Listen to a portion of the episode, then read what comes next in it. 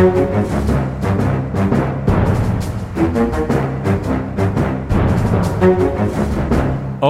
da kjører vi på med en ny episode med Aftenpodden USA. Som vanlig med oss fra hjemmekontoret i Oslo er kommentator Kristina Pletten.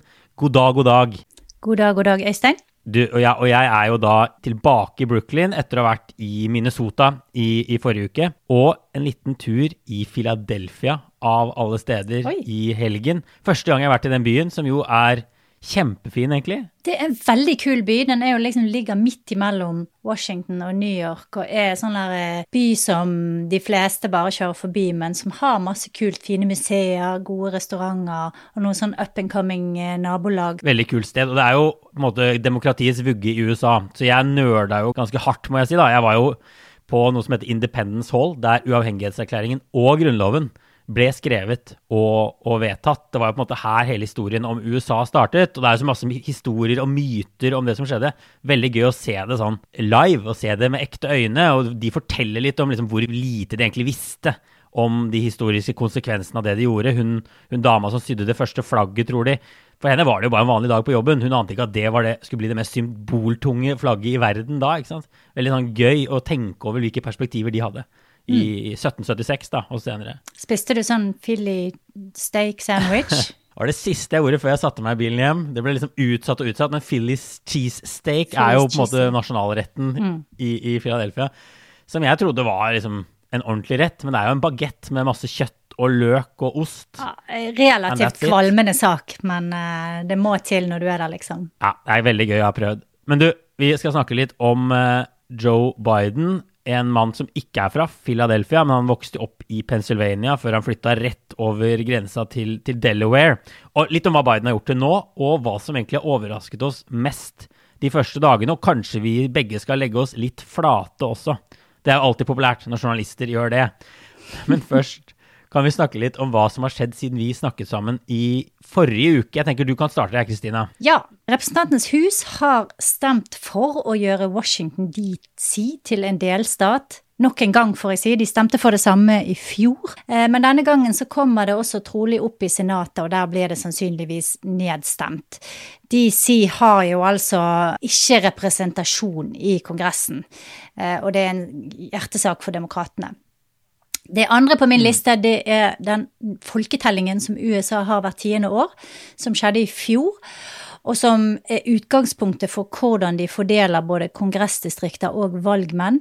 Der har eh, resultatet vist at statene i rustbeltet taper representasjon, altså Illinois, Michigan, Pennsylvania og New York. Alle de demokratiske stater taper, mens Texas, Florida, North Carolina og flere andre stater eh, som er mer eh, dominert av republikanerne, vinner representasjon. Mm. Og det ville ikke endret utfallet av årets presidentvalg, for det er ikke så store endringer i, i valgmannskollegiet. Men det kan få konsekvenser for neste valg, for det er jo sånne Noen ganger så er marginene så små at det handler om et par valgmannsstemmer eller ikke. Mm. Men, så, men så skal det jo også sies at de folkene som flytter til de statene, sånn som Texas og North Carolina, er jo i større grad demokrater, så det kan jo også endre det på andre vis, da. Ja, det er helt sant. Mitt første punkt på skjedd siden sist er at eks-politimann Derek Chauvin er dømt for forsettlig drap og to typer uaktsomt drap på George Floyd. Selve straffeutmålingen har ikke kommet ennå, så vi vet ikke hvor mange år i fengsel han får. Det er en maksgrense på 40 år. Antageligvis vil dommen ende på rundt 10-15 år. Og Samtidig så er det sånn at Justisdepartementet har satt i gang en etterforskning av hele politiavdelingen i Minneapolis og en annen politiavdeling i USA. Så her skjer det ting. Vi laget en podd om det her i forrige uke, Kristina, som det fortsatt egentlig er verdt å høre på. Og så har Biden hatt et digitalt internasjonalt klimatoppmøte, så hvor han sender et tydelig signal til verden om at landet igjen skal være en sånn klimaleder. De tar på seg en ledertrøye etter at Trump jo meldte landet ut av Parisavtalen. Og da kunngjorde han bl.a. at USA skal kutte halvparten av utslippene sine i 2030 sammenlignet med 2005-nivå, som er liksom dobbelt så ambisiøse mål som de hadde før. Og så er det samtidig høyst uklart hvordan disse nye ambisiøse målene skal nås. Men det var vel i hvert fall en veldig sånn stor åpenbar lettelse og glede fra spesielt europeerne da over at eh, USA nå var tilbake på banen og med igjen på møtene. Helt, helt klart. Du, som sagt, annonsert, vi skal snakke litt om Joe Bidens første 100 dager. For denne uken, da, i slutten av uken, så har han vært president i 100 dager. Eh, han skal bl.a. holde en tale til Kongressen denne uka her. Det er en form for State of the Union. Det bare kalles ikke det, siden det er hans første år, og han bare har vært president i en kort periode og kanskje ikke har så mye sånn å si om the Union. Men det ligner veldig, dette formatet. 100 eh, dager er selvfølgelig et litt sånn arbitrært tall, men det er blitt en veldig vanlig sånn anledning for å gjøre opp status over starten på presidentskapet. Og vi må jo allerede kunne si at det er en del interessante saker å, å, trekke fatt i. Men jeg tenkte først Kristina, så kan vi snakke litt om hva vi trodde før Biden tok over, og hva vi har tenkt de siste årene, både du og jeg, om Joe Biden som presidentkandidat. Ja, eh, jeg var jo i din jobb som korrespondent når han kunngjorde sitt kandidatur. Eh, jeg var ikke spesielt begeistret. Jeg syns han var en, eh, en, ganske svak og dårlig kandidat. Jeg har gått tilbake og, og hentet ut noen Og lest litt av det jeg har skrevet, og hentet ut noen setninger setninger, da. Jeg, har ikke veldig lyst til å lese det opp, for det er litt flaut. Men altså, jeg har sammenlignet Biden med en skilpadde. Jeg har kalt han en vassen arveprins etter Obama. Jeg skrev at han var den klart svakeste av de ledende demokratiske kandidatene. At han var ute av stand til å formulere selv enkle, forståelige setninger. At han manglet politisk plattform. Eh, og at han manglet grasrotsentusiasme osv. Så, videre, og så, videre. så jeg eh, har nok, eh, i hvert fall i lys av de første 100 dagene, bommet ganske grovt, hvis jeg skal være helt ærlig. Og det skal man jo. Ja, for hva tenker du nå, da? Jeg tenker jo at han har Ja, han har jo overrasket med å være utrolig aggressiv og egentlig litt sånn banebrytende. Han, han har eh, tatt veldig store steg og gjort mye, mye sånne ting som er som ikke er forsiktig, men som, som er ganske aggressivt. da. Eh, og så kan man jo si at han har et team rundt seg som kanskje formulerer mye av den strategien, men han har nå uansett på et eller annet punkt plukket ut de folkene og satt de i sving. Og han har gjort mye smart, for eksempel da, at han lovet at det her er 100 millioner doser med vaksine innen de første 100 dagene. Og så mm. visste de sannsynligvis at det kunne de matche med ganske god margin, og har jo klart doble det til 200 millioner doser over det. Så de har vært veldig sånn smart i måten de har lagt frem budskapet sitt, ikke minst. Ja, Nei, altså Jeg er enig med deg, og jeg må vel også legge meg flat og si at jeg i hvert fall i løpet av de siste årene har tatt skikkelig feil om Biden ved noen anledninger. Eh, jeg husker bare veldig godt tilbake. Jeg var i Iowa i fjor på da det var disse første primærvalgene, og så Biden live for første gang. Og gledet meg egentlig litt. og Det var sånn fullstappet gymsal i, i Des Moines. Og så var det bare en sånn megaskuffelse å se han. Det var mm. dårlig lyd. Jeg husker det var veldig dårlig lyd. Og det var en sånn lang rekke av gjester. Det tok 100 år før Biden kom på scenen. Og han, han ranta oppå der og liksom var interne referanser til de som sto på første rekke, og folk begynte å gå. Og da tenkte jeg liksom Bernie vinner. Han vinner aldri det greiene her. Han er jo helt, helt ute. Så, og så var det jo sånn på forhånd at vi har tenkt på han liksom som den ultimate insider. Han har vært i Senatet i 100 år, eller i hvert fall 40. Mm. ikke sant? Vært i DC alltid. Han ville, når han kom til makten, gjøre som politikere flest. Han lover litt mer enn han faktisk kan holde. Han regjerer mye mer moderat. Han kommer til å gå inn mot midten. Han kommer til å gjøre det han faktisk sier, da. Forsøke å jobbe med republikanerne. Det var en sånn eh, tro på at Biden var helt sånn naiv. En naiv tro på at han ville gjøre alt han kunne for å få med seg republikanerne. Og ingen av de tingene der har jo egentlig skjedd. Nei, altså man trodde jo i den der rushet etter å liksom putte kandidaten i bås, da, så trodde man vel at Biden var den som var mest eh, sentrumsorientert og moderat, som du sier. Ville prøve liksom å, å bare styre skuten tilbake igjen der han var under Obama. Eh, få til et slags samarbeid med moderate republikanere. Og det har han jo til hans eh, til hans ære kan vi si at han har forsøkt å strekke ut en hånd på sett og vis, eh, men han har gjort det mm. ganske kynisk og, og også på en veldig smart måte, da, som har eh, satt republikanerne litt til veggs. Så han har i det hele tatt Jeg tenker at det som ikke minst har imponert meg og overrasket meg, er hvor strategisk smart han har vært i mm. måten han har satt i gang sitt presidentskap på. Men så skal vi jo huske på, som sier, han har vært i Kongressen i 40 år, og så har han vært visepresident i åtte år og sett en president up close. Så det er jo også en, eh, kanskje en eh, god trening og eh, forberedelse til en sånn jobb. Ja, nei, Vi må jo virkelig kunne si at Biden har dunket til på mange måter som president, i hvert fall på, på de områdene der han har mulighet til å dunke til. Vi, vi kan jo nevne liksom noen få ting. altså Covid-pakken, 1900 milliarder. det var jo, mm. Han fikk jo gjennom akkurat det han ville. Det var en stor pakke. Uh, mange, også en del i hans eget parti, syns han tar altfor hardt i der. Men han ja. fikk det altså til slutt gjennom med bare noen små sånne justeringer. I infrastrukturpakken, som omtrent er like stor, er også på trappene. Den er ikke vedtatt ennå, men den også vil være en liten revolusjon. For det er veldig veldig, veldig mye penger som skal brukes på masse prosjekter over hele USA. I forrige uke så snakket vi om Afghanistan. Eh, der tar han også veldig sånn tydelig valg, som er interessant å se. Han kunne sagt vi skal trekke oss ut av Afghanistan hvis Taliban gjør sånn og sånn altså, med et påskudd om egentlig å bli i landet, men han sier vi skal ut no matter what innen 11.9. Og antageligvis kommer det til å skje ganske lenge før. Og jeg må bare si, jeg hadde ikke trodd at man på ramme alvor skulle debattere om Biden etter 100 dager var en ny Franklin Delon Roosevelt eller en ny Lyndon B. Johnson. Men det er jo faktisk det som skjer nå. Dette er jo to demokratiske helter i det partiet, men det er akkurat det som skjer nå. Det er sånne debatter om det er de tunge mennene Eh, Biden skal sammenligne med. Og så setter han Obama bitte litt i skyggen. Det ser vi samtidig. Og det blir nærmest litt sånn dårlig stemning i partiet, fordi mange, veldig mange peker på at Biden har lært av Obamas feil. Eh, og det er nå en del folk som rykker ut for å beskytte Obamas ettermæle. Fordi de mener at det tydeligvis trengs da, pga. det Biden gjør. Ja, og jeg sitter og tenker på at det er jo mange visepresidenter opp gjennom historien som har prøvd å bli president.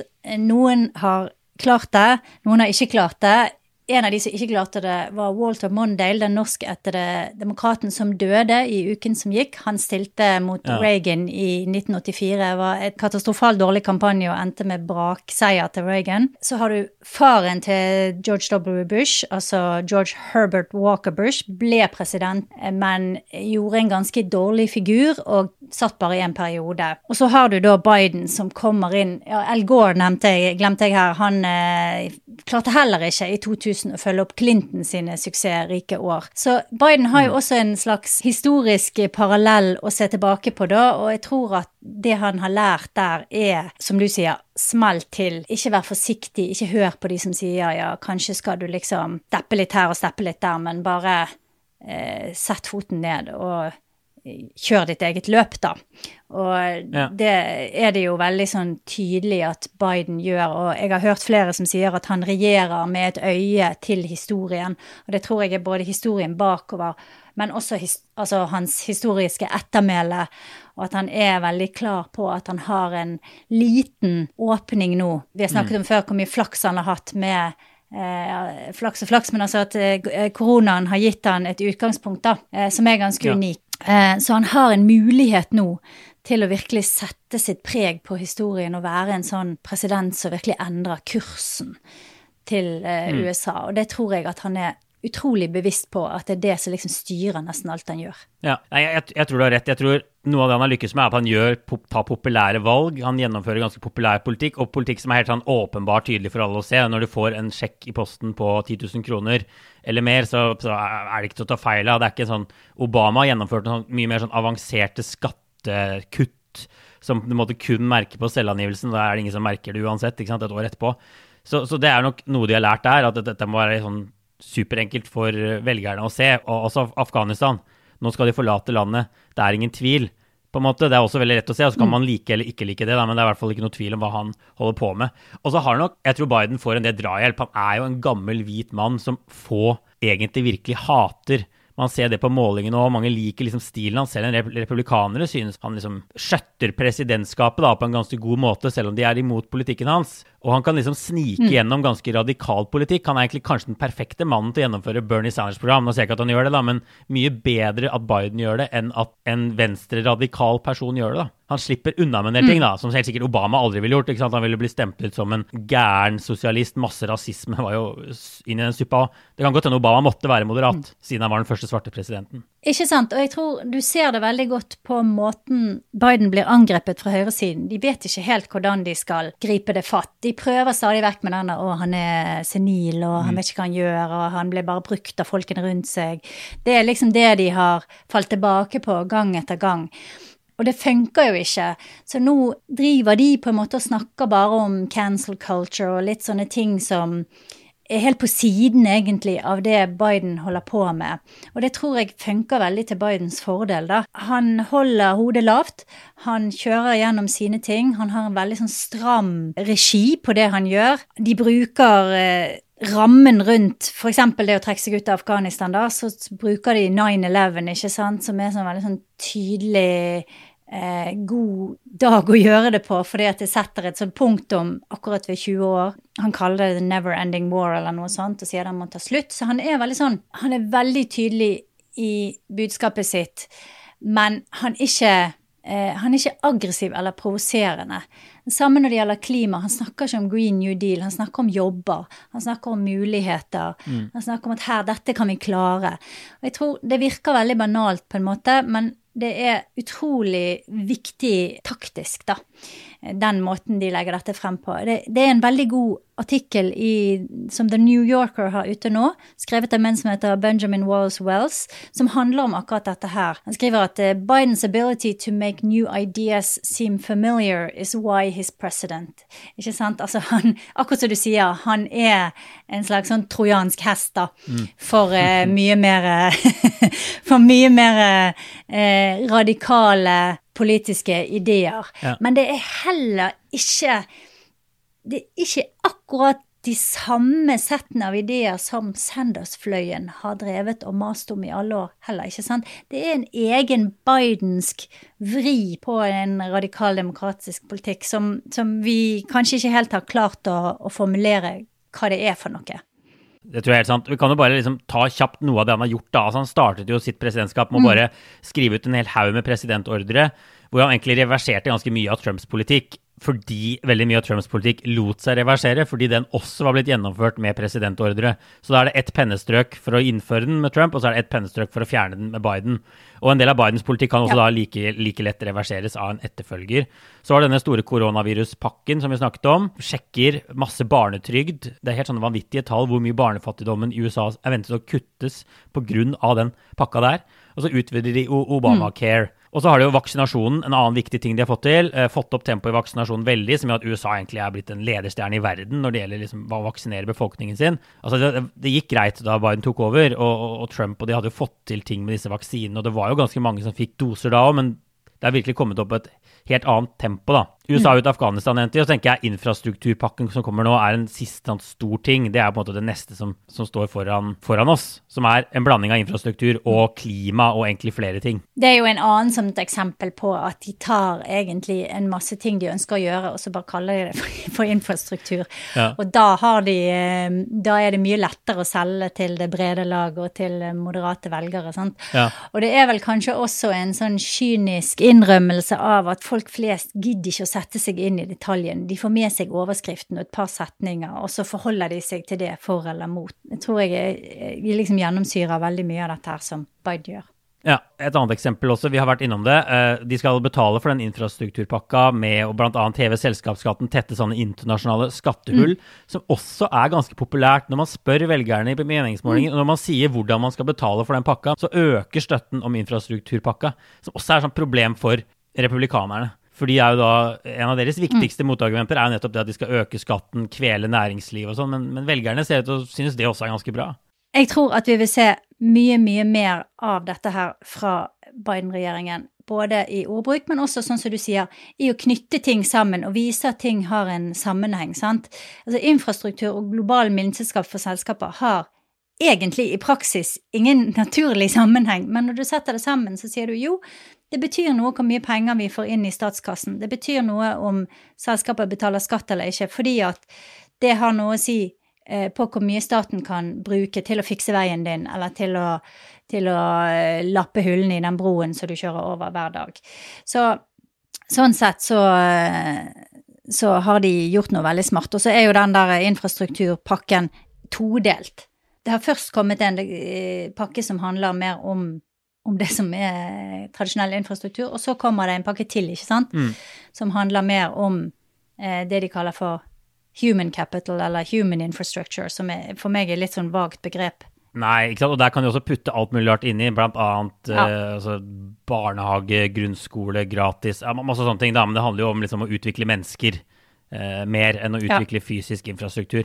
Som også er eh, en enorm pakke som de nå skal forsøke å få gjennom. Og får vel gjenstå å se hva de faktisk får til her, da. Men, men sånn som de har kommet i gang, så ser det ut som de skal kunne klare å gjennomføre en god del av disse tingene. Faren med eh, dette her er jo at hvis motparten klarer å formulere noe enkelt på samme måte, så kan det være veldig ødeleggende. Hvis de finner et eksempel da på at eh, regjeringen har brukt millioner eller milliarder på et eller annet ubrukelig, så kan det bli et symbol på hele den oppsvulmende oppsvulmede pengebruken som Biden driver med, ikke sant, og kan velte hele prosjektet hans. Så de må være veldig forsiktige, og de må ha et ganske stram regi, tror jeg, på disse tingene de ruller ut. Og det virker jo også som de har fått ganske god kustus på venstresiden av partiet. Altså du ser veldig lite sånne utfall fra AOC, fra Sanders-fløyen, mot det som eh, Biden-regjeringen holder på med. Overraskende lite, vil jeg si. Ja. Ja, nei, Du nevnte jo litt nå altså, hva kritikerne kan gripe, gripe fatt i her. og Åpenbart stor pengebruk, de finner sløsingprosjekter. Det er jo også en fare for at det blir en, en vanvittig inflasjonsspiral ut av det her. Det er det jo noen økonomer som advarer mot, bl.a. Larry Summers, som er en gammel demokrat. Han har i hvert fall jobbet for demokratiske presidenter, som kaller det den mest uansvarlige økonomiske politikken på 40 år, har han sagt til Bloomberg. Så han tar jo virkelig hardt i. Så, og jeg ser jo allerede Donald Trump jr. og sånn, de, de forbereder det her sånn prisstigning. De snakker om bensinprisen, som jo stiger fordi oljeprisen stiger. Det er jo helt andre grunner til det, men de, de, de forbereder en sånn, en sånn angrep. sånn De har fått prisveksten ut av kontroll. Folk, de vil helt sikkert si at lønningene har ikke steget like mye. Eh, Det er pga. uansvarlig økonomisk pengebruk og sånn. Så det de, er noe greier på gang der eh, i deler av, av partiet. Og så har vi snakket om innvandring er et svakt punkt for Biden. Det viser, viser målinger også. Og så angripes han jo for å Det er på en måte en smart taktikk, men også noe han kan angripes for. Han snakker masse om eh, tverrpolitisk samarbeid og de tingene der, eh, og får med seg republikanere. Men han, han har strak, rock, strukket ut en hånd, men han har ikke strukket den veldig langt ut. Han har trukket den veldig raskt tilbake igjen. Måte, han har ikke så veldig mye å vise til av sånn tverrpolitisk samarbeid i Kongressen. Og så er spørsmålet om velgerne bryr seg om det, da, så lenge han gjør ting som er sånn ganske populært blant amerikanere flest. Men det er i hvert fall ting man begynner å se at de angriper ham for, da. Men vi får bare ta litt også om hva velgerne synes. da. Vi sier jo at vi er overrasket, egentlig. At Biden er en litt annen mann enn vi hadde sett for oss, i hvert fall for en stund siden. Og så er spørsmålet altså, velgerne det, Når man ser på sånn, hvordan Biden gjør det sammenlignet med tradisjonelle presidenter, altså tidligere presidenter, hvor populær han er nå versus det som har vært vanlig, så kommer det litt an på hvilket perspektiv man har. For i gamle dager så var det sånn at presidentene hadde disse hvetebrødsdagene sine hvor store deler av landet sluttet opp om dem. Så Biden er jo mye mindre populær nå enn Truman, Eisenhower, disse folka her, Kennedy var. De hadde 70-80-90% av folket bak seg i, i de første 100 dagene. Biden ligger på 54% nå, på dette snittet til 538, som jo er vesentlig lavere enn det. Men så lever vi også nå i en helt annen tid. Vi snakker om polarisering. Det er helt utenkelig at store deler av republikansk parti skal si at Biden er en god president, selv de første 100 dagene. Sånn er det bare ikke lenger. Så 51% syns Biden gjør en god jobb nå. 41% sier dårlig jobb, som egentlig folk sier at er en ganske stor suksess. Trump på samme tid da, hadde, hadde helt motsatt. Han hadde 52-53-54% syntes han gjorde en dårlig jobb. 40, 40% bare, 41% syntes han gjorde en, en god jobb, som var en mye vanskeligere startposisjon så tidlig i, i presidentskapet. Så egentlig så har Biden kommet ganske godt i gang. Dette er tall som definitivt er til å leve med. Mm. Og så vidt jeg husker, så kom vel aldri Trump over 50 Jeg vet ikke om han kom over 45% en gang på oppslutningen. Det var, han lå nesten jevnt rundt 40-42% gjennom hele sine fire år som president. Så sånn sett så ligger jo Biden milevidt over der. Og så skal vi huske på at det er jo 70-75 av republikanerne mener jo at valget ble stjålet, eller i hvert fall at det var sterke indikasjoner på det. da. Ja. Så hvis de ikke engang tror at Biden sitter der legitimt som den valgte presidenten, så er det vel vanskelig å, å mene at han gjorde en god jobb. Ja, så det som redder Biden er i stor grad her at u, de som kaller seg for uavhengige, de har ganske stor oppslutning om Biden, og så selvfølgelig har han voldsom oppslutning blant demokrater, og det gjør at disse popularitetstallene hans egentlig er ganske gode. Han gjør det veldig godt på korona. Folk syns han gjør en knallbra jobb, også en del mm. republikanere på korona. Jeg så noen som sier liksom der har han 64% som mener han gjør en god jobb på korona. Økonomien samme, øh, over 50% 52% Afghanistan ser ut til å ha vært ganske populært. Koronaviruspakken, kjempepopulær fortsatt. Den har ikke republikaneren tror jeg bare har gitt opp og prøvd å, å rive fra hverandre. Og så er det ja, innvandring, da, som er hans svak, klart svakeste punkt. Eh, det er veldig, mm. veldig få som syns han gjør en god jobb, og også sikkert i hans eget parti er det en del som syns han er for, for, konservativ også, som sier han gjør en dårlig jobb med innvandring. Så det handler ikke bare om at han er for, for mild. Der blir han angrepet på alle fronter.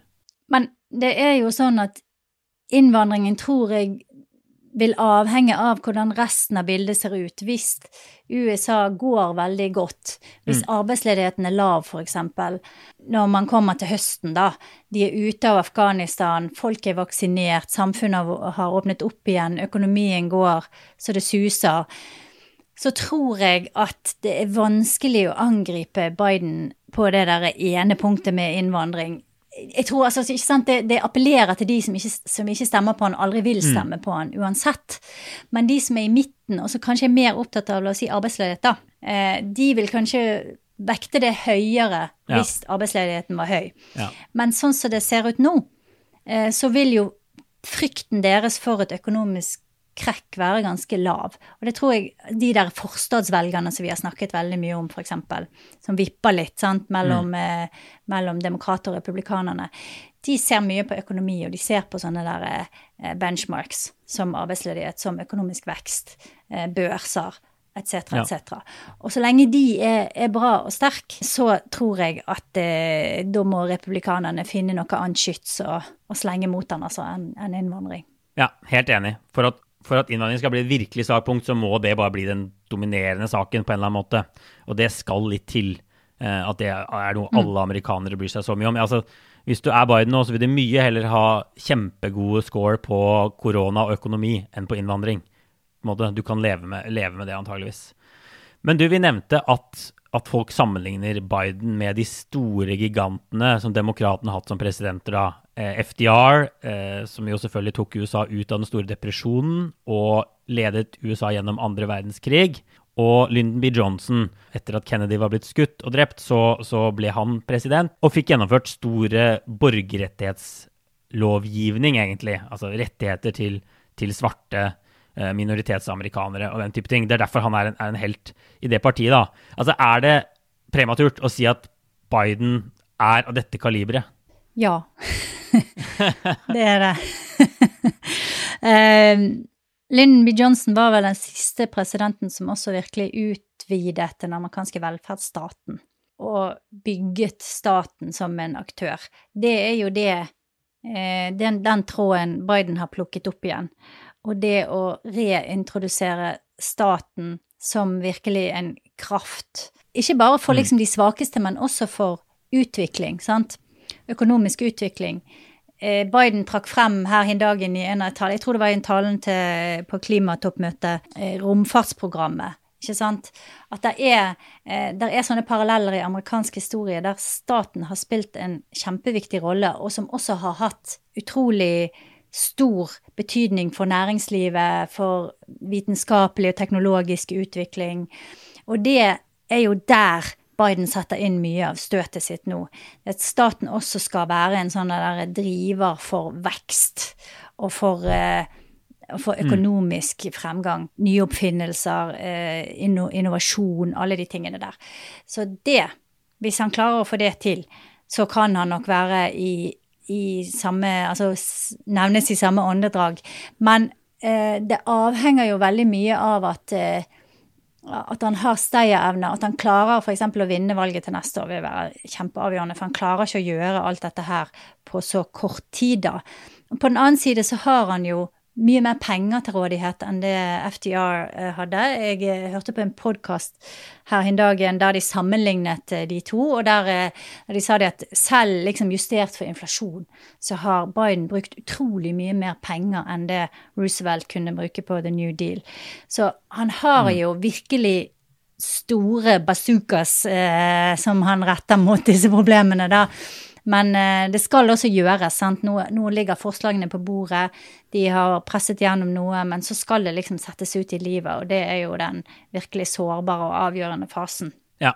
Nei, det er jo interessant å trekke sånne historiske mm. paralleller, åpenbart, men Biden er jo en helt annen situasjon enn dem også fordi de vant sånne kjempeseire disse to de hadde jo flertall, svært flertall i, i, huset, stort flertall i Senatet. De kunne jo i mye større grad også gjøre som de vil. Men Biden er jo han er jo en veldig pressa situasjon. Han har så vidt flertall i Senatet. sånn, Det er veldig mye begrensninger på hva han faktisk kan gjøre. da.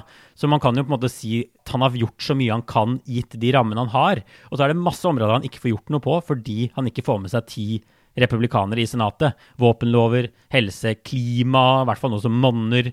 Eh, stemmerett for han har antageligvis ikke gjort noe med. Innvandring, veldig begrenset hva han får gjort noe med. Og så er det også sånn, da, hvis man skal være litt slem mot Biden, at veldig mye av det som ligger i koronaredningspakka, er jo midlertidige ting. De har utvidet barnetrygden i ett år. De har sendt sjekker. Nå har de kommet. Det kommer ikke noen flere sjekker.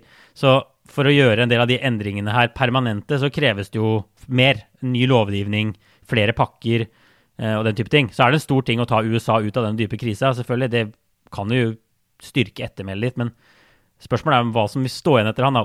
Obama har ja. Obamacare. Det ble stående. Det var en helt ny ordning. Eh, Biden har kanskje foreløpig ikke noe sånt. Nei, men du snakker Han risikerer i hvert fall at mye blir slettet. Du snakker f.eks. om barnehager, da. Og, det å, og vi snakket tidligere om det å se ting i sammenheng. Eh, det å bygge en, eh, et sosialt tilbud for familier, sånn at de kan jobbe, sånn at de kan sende eh, barna sine etter hvert eh, på universitetet. Eh, sånn at de kan ha ordentlig helsestell. Altså alle de tingene som eh, gjør at du har en trygg nok hverdag og et trygt nok liv til at du kan ikke bare overleve og klare deg, men gjøre det bra og bidra inn i samfunnet. Eh, det er jo det han prøver mm. å bygge opp nå, og, og, og liksom vise amerikanerne at det er en sammenheng mellom disse tingene. Dette vet jo vi fra den skandinaviske modellen hvor viktig det er. ikke sant? Så det er jo ikke sånn at dette her Noe av det eh, Biden gjør, er jo på en måte bare å eh, la, la, USA hente igjen, eller forsøke å la USA hente igjen noe av det de har tapt i, forsvar, i, i, i konkurranse med Europa, da, eller i sammenligning med Europa. Mm. Så jeg tror at hvis han får staten til å fungere som en aktør som betyr noe i folk sine liv, og dette har jeg sagt mange ganger før. Men så, så, kan det jo også få betydning neste gang de stiller til valg, ikke sant. Og da kan de kanskje få mandat til å gjøre dette her mer permanent. Så det er jo også noe med å, å vise frem for folk hva dette egentlig er. Altså vise det i praksis istedenfor å stå bare og snakke om det, sånn som Bernie Sanders for eksempel har gjort. Ja, helt enig. Det er mye midlertidighet i den koronakrisepakken. I de infrastrukturpakkene så virker det som det er mer sånn varige ting som er på trappene. Og så kan det jo godt hende at det å gjøre en så stor ting som den koronakrisepakken i seg selv kan bidra til å endre tankemønsteret litt da, og forlenge noen av de ordningene når de løper ut i løpet av året. At det blir en ny normal. Det er vel det de håper litt på, da. Vi får ta en liten runde med obligatorisk refleksjon også, Kristina, til yes. slutt. Har du tenkt på noe spennende den siste uka? Jeg har en tabell denne gangen som obligatorisk eh, refleksjon.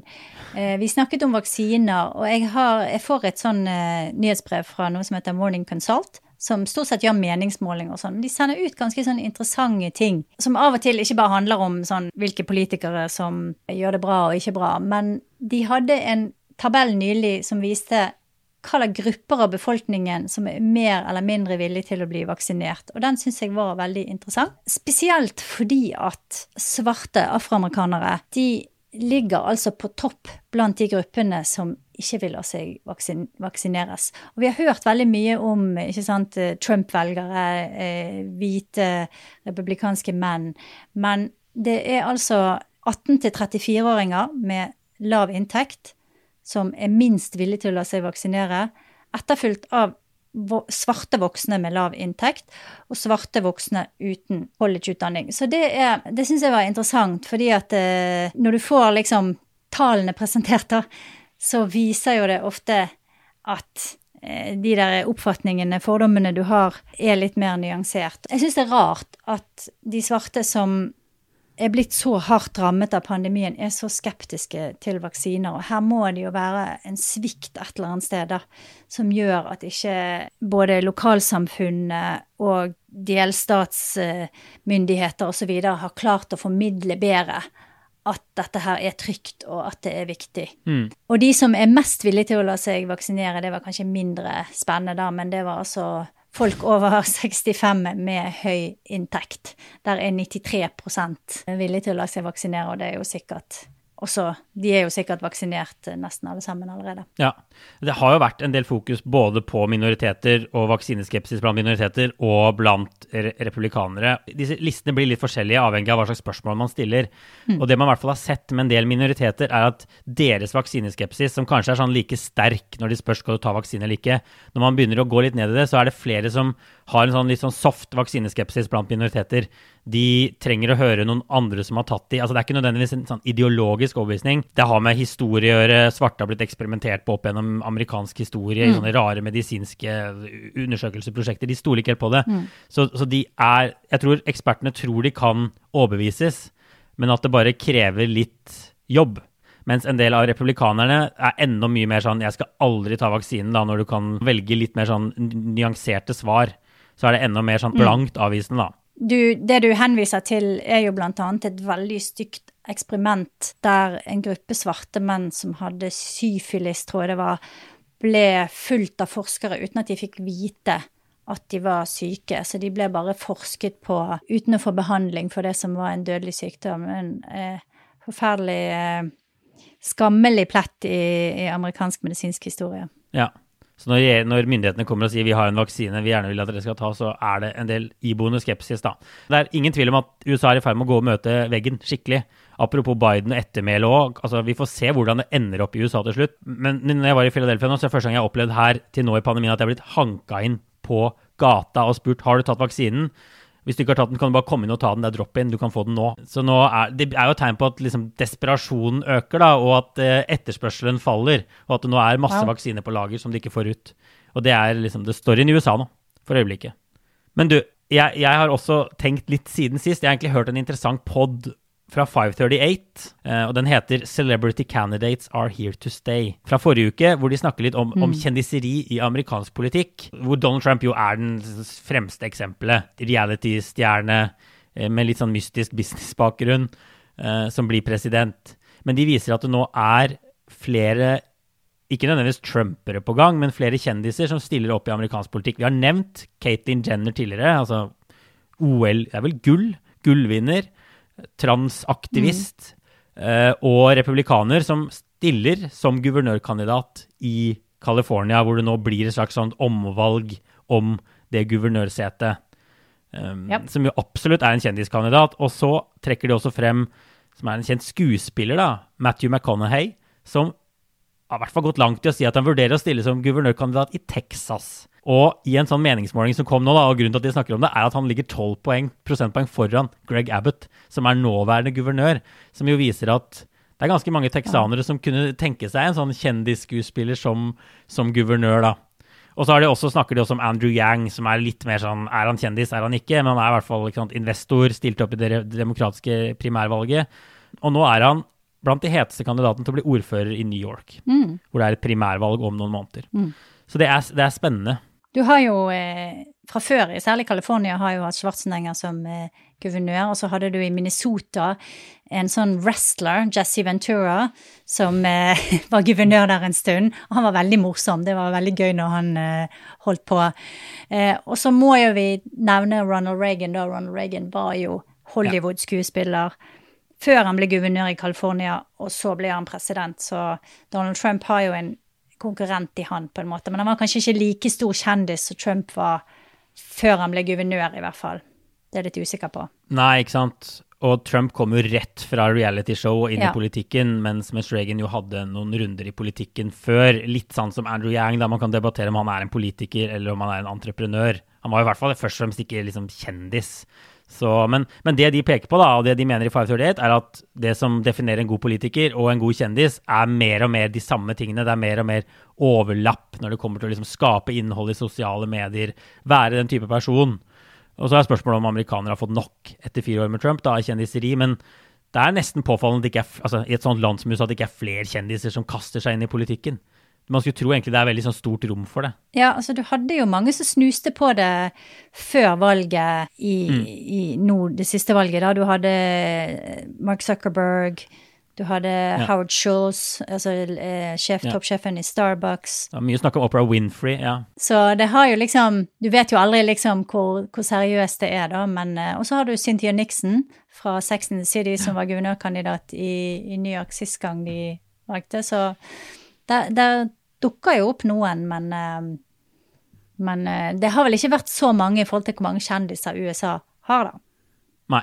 Så spørsmålet er om det når vi nå er på liksom kanten av en bølge med kjendiser som kaster seg inn i politikken. Men det blir spennende å se. Vi kan, vi kan følge litt med på de, denne gjengen, eh, og om noen av de kan Kanskje de får en trippel med, med Jenner i California og McConaughey i Texas og Andrew Yang i New York. Og da er det sikkert flere som kommer til å kaste seg inn Ja. om kanskje i presidentvalget om tre år også.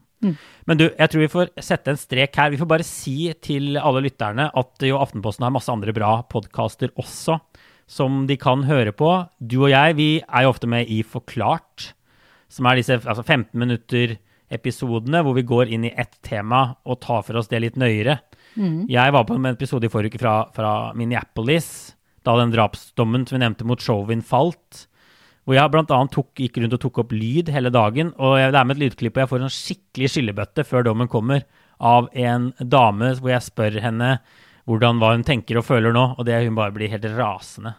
Så det fikk jeg lurt inn i den episoden, for det viste litt hvor spent den situasjonen var akkurat da. Men du er også ofte med. Jo da, jeg skal faktisk eh, spille inn en forklart onsdag, der jeg skal komme med en litt sånn optimistisk eh, take på klimaproblematikken, og det kan jo bli spennende i seg sjøl. Så det må folk eh, gå inn og laste ned og høre på. Ja, lytt til Forklart, og anbefal Aftenpodden USA til venner og kjente som dere mener bør høre på oss.